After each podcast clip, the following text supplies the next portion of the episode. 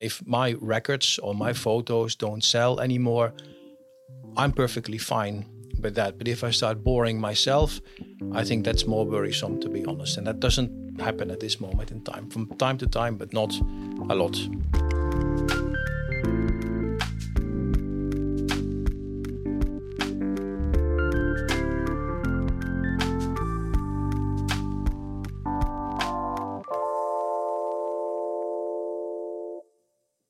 Hei og velkommen til en ny episode av Fotopodden. I dag har vi fått storfint besøk fra utlandet. Vi har fått fotografen Stefan Gerritz. Han er egentlig nederlender, men bor i Finland, har jobbet i Dubai og rundt omkring. Har vunnet priser i Norge, i internasjonalt. Så vi er veldig stolte av å ha han. Welcome, Stefan, to us. Vi må ta denne podkasten på engelsk, for han er ikke så veldig god i norsk. Det får dere ha oss unnskyldt for. We're very happy to have you here. Uh, you just won a prize in Norway for the uh, Nordic Nature Photographer Contest for macro photo or close up photo. Uh, can you tell us a little bit about that photography to start with? Okay.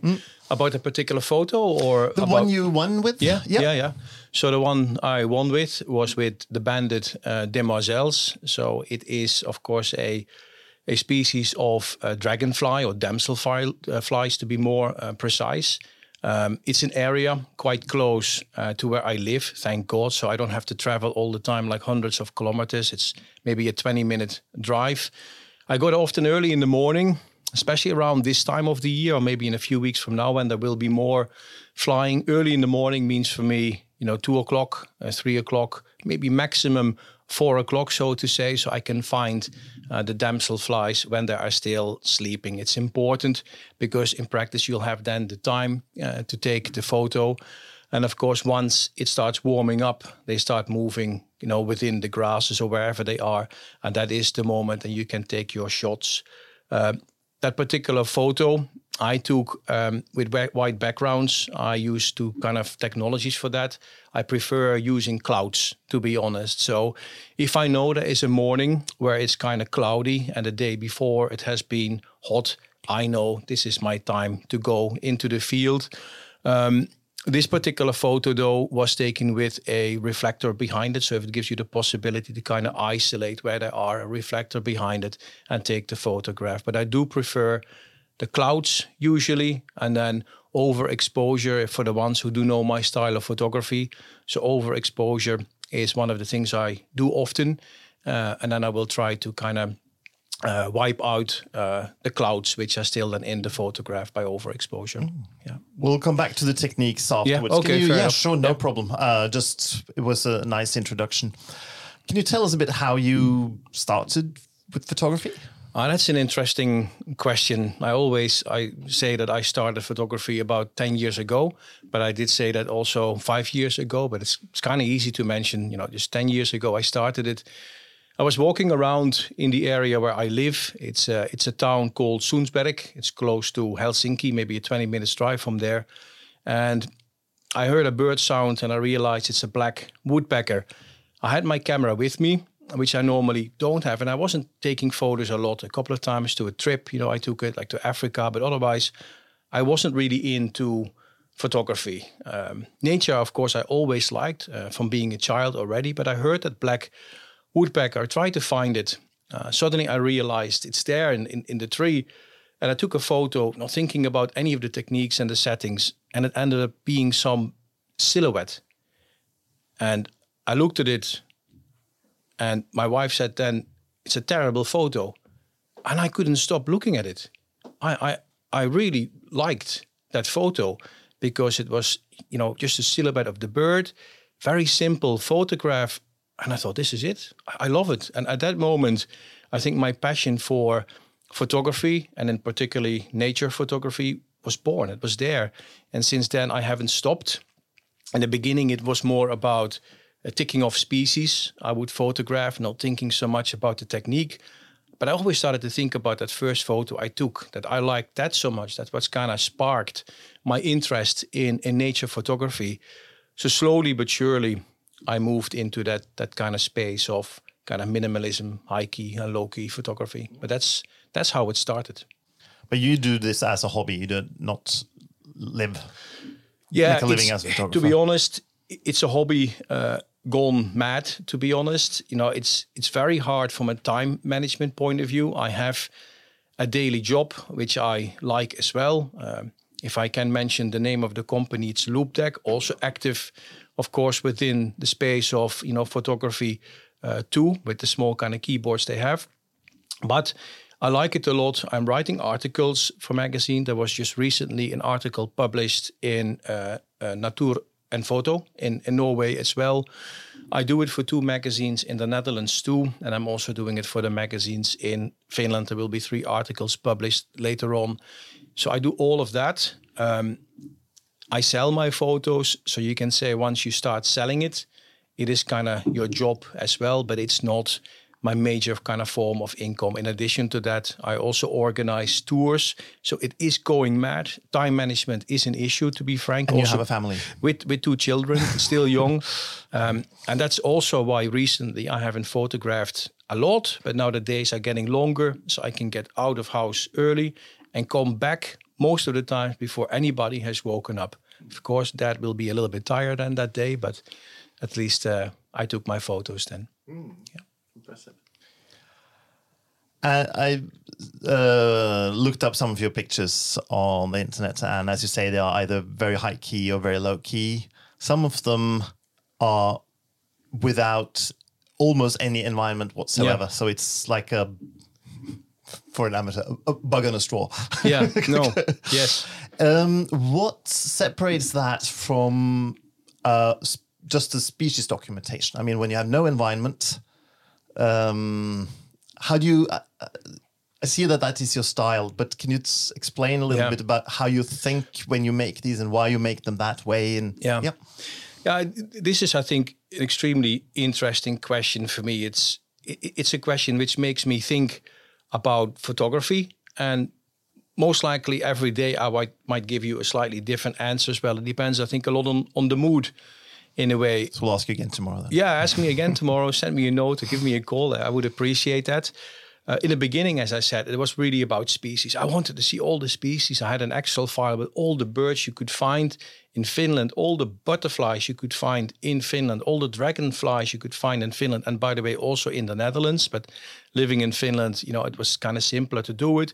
Places where you could find them, and the only thing I did is put a, an X in the box once I had seen them and photograph them. But at some point, and quite quickly, that was already the case, that didn't satisfy me the kind of document that. It was not about seeing species, it was about capturing species, you know, in a in a photographic way, which gave me the satisfaction, not the axis anymore in in the cell in Excel.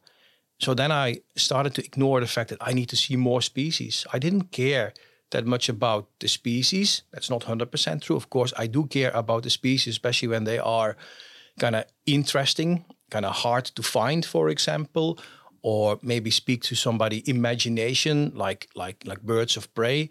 Of course, I'm more interested in photographing these unique type of species, but I'm not a species hunter anymore. If somewhere somewhere there would be a brown small bird, you know, which has flown in from Siberia and it has been the first sighting since 1967, I could not care less because photogenic wise, it is not of interest for me.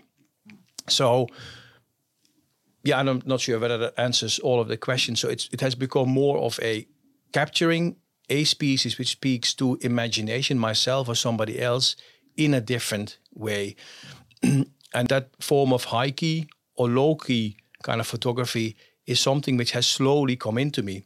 And to be frank, I didn't even realize myself in the beginning I was taking minimalistic photos per se. Of course, I- knew there were minimalistic photos, but I didn't realize it had become part of me, my style, so to say. It was only when somebody told me after I posted, likely a, a photograph of a duck in a blue sea, that, hey, Stefan, think about your style, think about your brand. And I realized it's true. I, I do have my own style. I don't find it a brand that becomes commercial immediately. I'm like I said, I'm not a professional photographer. I don't, you know, see myself as that. But maybe style and, and brand is kind of close to each other at the end of the day. And myself also, if I think about how our house is, for example, uh, decorated, I don't like purple pillows at home. They, they drive me mad. I, I, have always had busy jobs, to be frank. Um, work for other companies like Microsoft, like Nokia, always busy jobs, a lot of traveling, and often I go and come home and I need kind of peace and quiet. For the kids, it's all it's all fine, but it's the the inside. that needs to give me this calm feeling, so to say. And I think that's exactly the same what I find in my photography as well.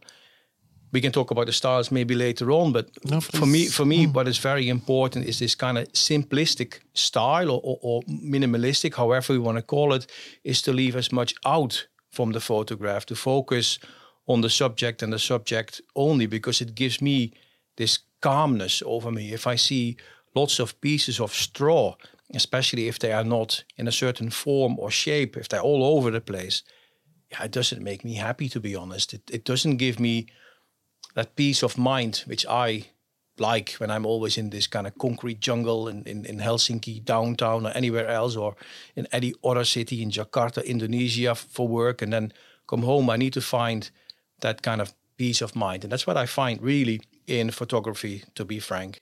And in the beginning, it was a lot about, you know, high key, but then you start experimenting sometimes, but low key, making use of light sources, whether it's the sun or whether it's something unnatural as well, like light coming, for example, from inside of the house, which shines towards a bird feeder outside.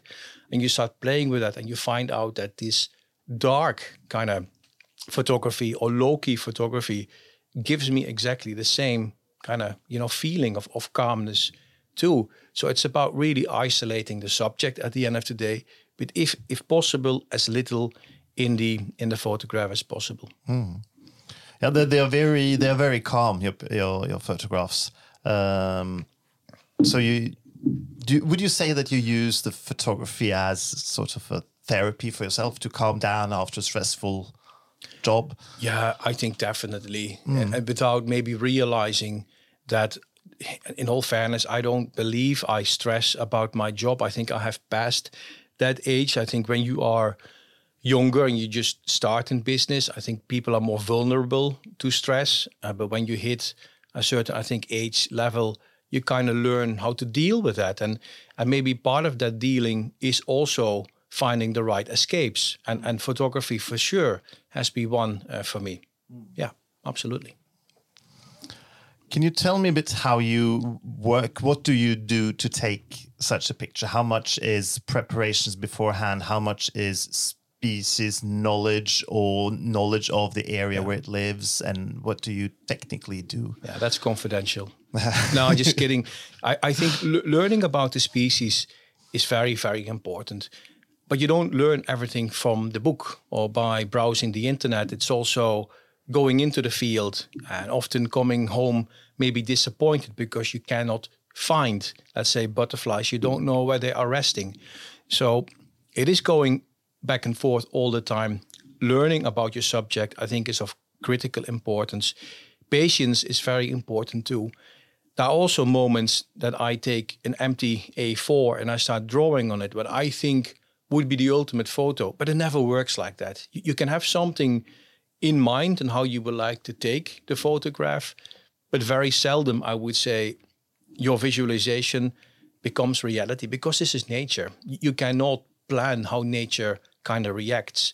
I think you can have in mind when you are there and you see your subject, like what would you like to see disappear from the photograph? And by saying that it means you find a different position. Maybe maybe one of the examples um, I've had from the last couple of years is photographing bearded reedling, um, one of the bird species, especially in the wintertime, which comes to the south of Finland and hangs in, in the reed beds.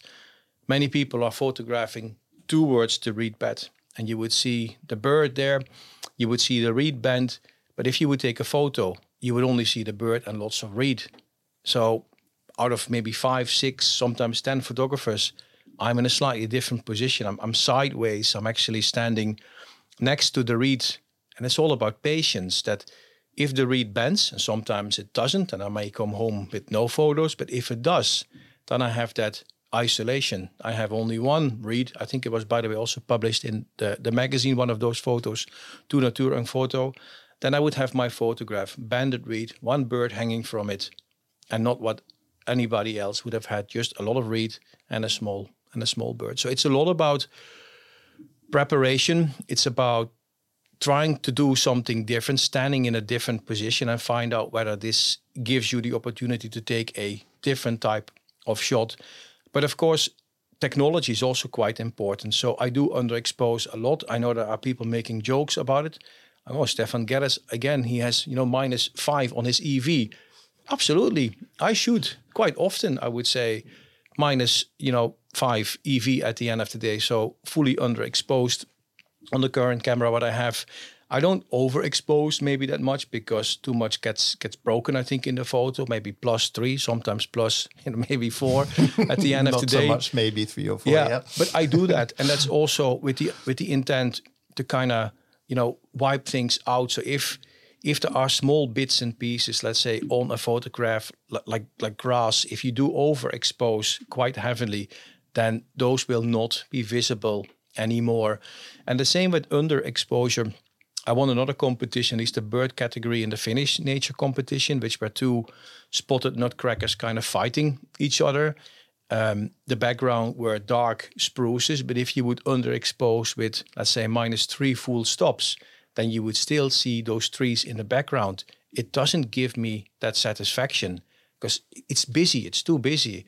Mm. Then you go more extreme. Then you go to minus four. It's still not doing its job. You go towards minus five, trial and error. And then you do that and you see the sun coming in from the back. And of course, I know that the sun comes up there from the back. That's why I'm there at a certain hour. Then suddenly you have that photo you want. Yeah. And it's a minus five on EV, but it does work. Not always. There are lots of photos I take and they all go into the bin. But you know, that's that's part of photography at the end of the day. And thank God we're living in a digital world. yeah. Do you use artificial lighting or natural light only? I would say that 999 of the photos I take out of the thousand are done with natural light. I am terrible with kind of uh, artificial light. Um, even though I have to say I got myself recently a speedbox. I think that's the official name of it, but I don't have all the lighting equipment yet to operate it. Um, I have used artificial light in my own backyard. I have a bird feeding station in uh, in the wintertime where also a roe deer is coming to. Um, I put the lights on very bright on the inside and I photograph then from my window, so through the window towards the outside. So not a lot. Uh, that that gives me the possibility uh, to photograph kind of low key type of a photo of a roe deer. I have once tried with a uh, construction lamp. Uh, I got blinded myself in not to think about what might happen, you know, with the animals too. So after 10 minutes, I aborted that kind of, you know, experiment because it, it just didn't feel right, to be frank. When you have the the totally white background, do you use something to? You said you sometimes use clouds, but that would normally leave something between your yeah. main motive and the background. Yeah.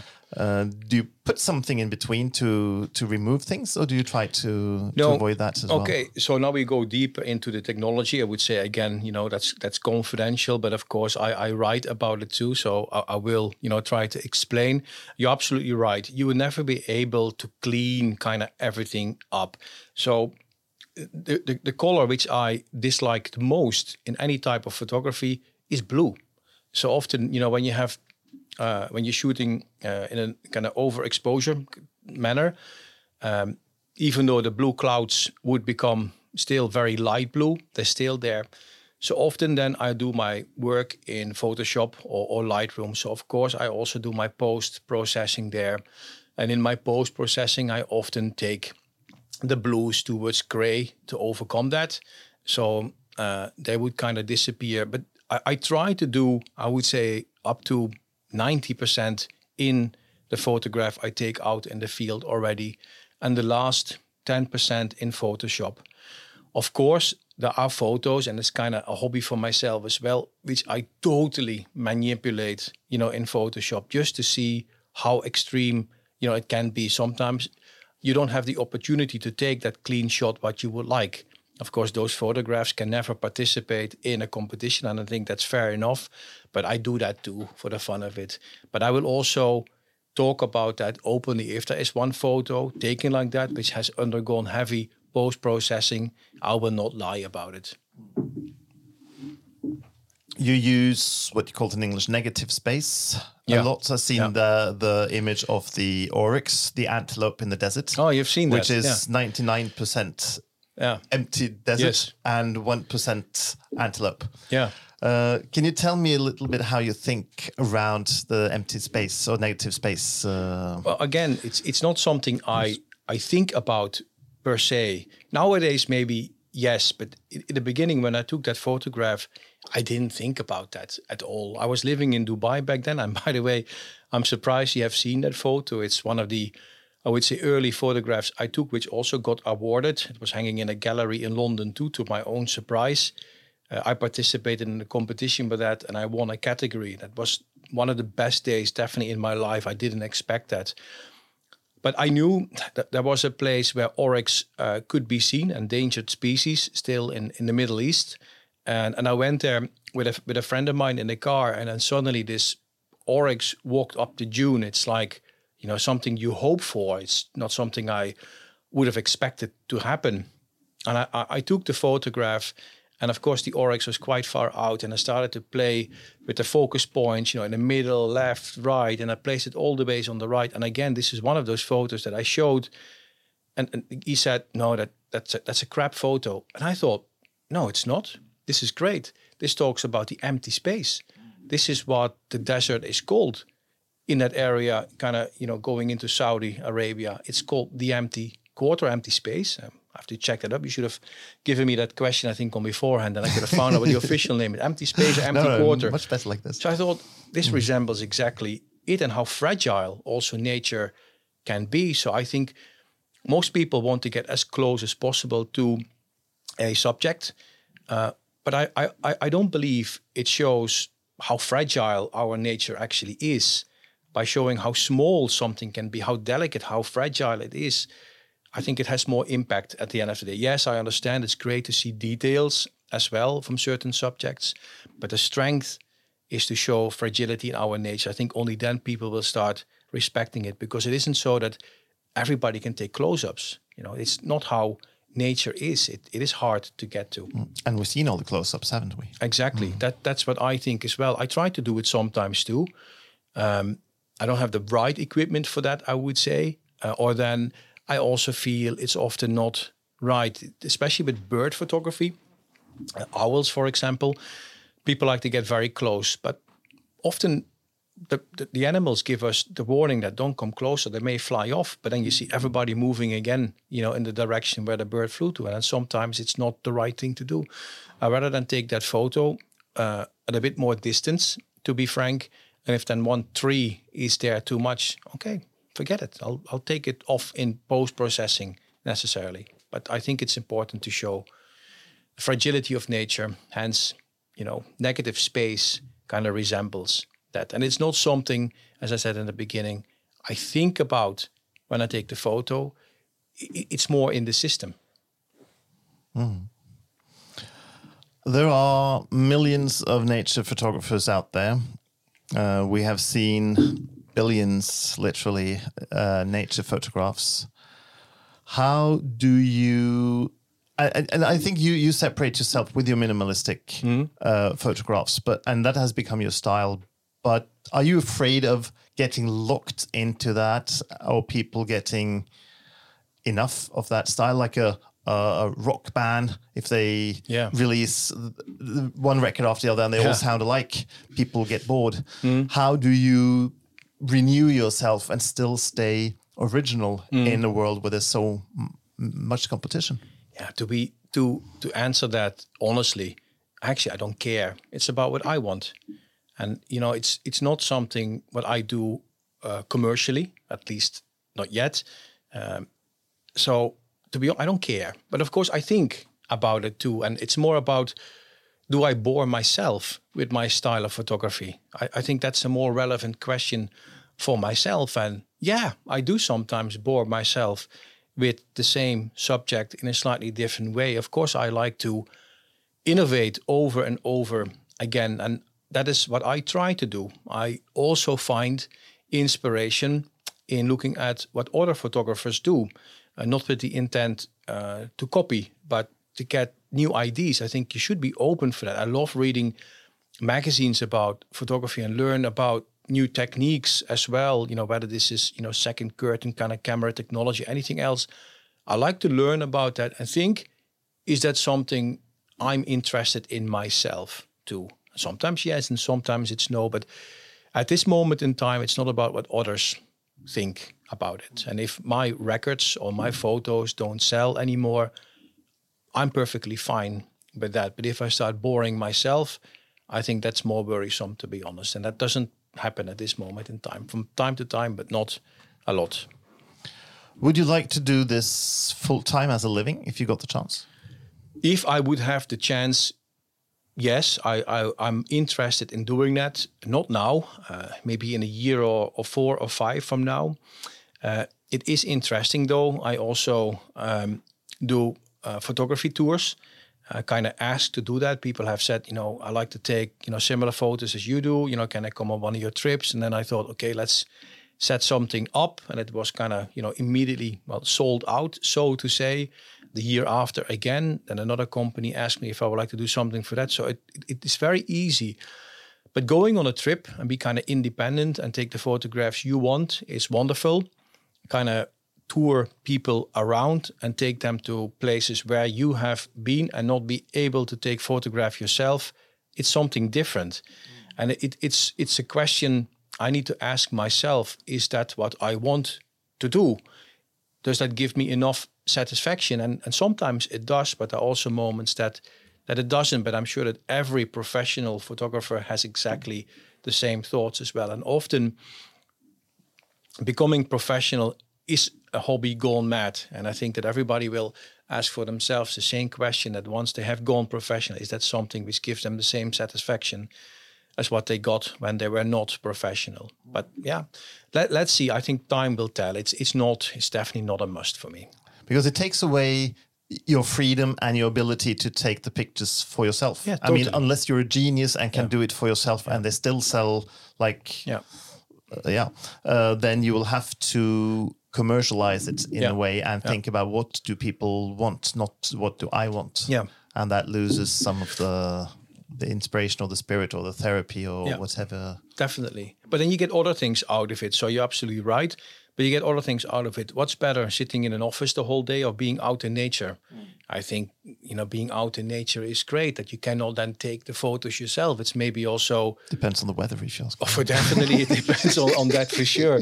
But I, I guess that you need to decide yourself. You know, to find the right balance. Okay, you don't have that full freedom that when you do go out, but now you can be out more often. So you need to find the right balance with that. And I guess also that will take time to find you know what is that right level of balance uh, for yourself but but time time will time will tell it's a hobby gone mad and at the moment it, it doesn't seem to stop so yeah do you have um, the ultimate photograph that you in your head want to make or dream of being able to make no. or go constantly hunting for or no no i don't have like i said earlier th- there were days that I was kind of drawing what I had in mind from a photography point of view.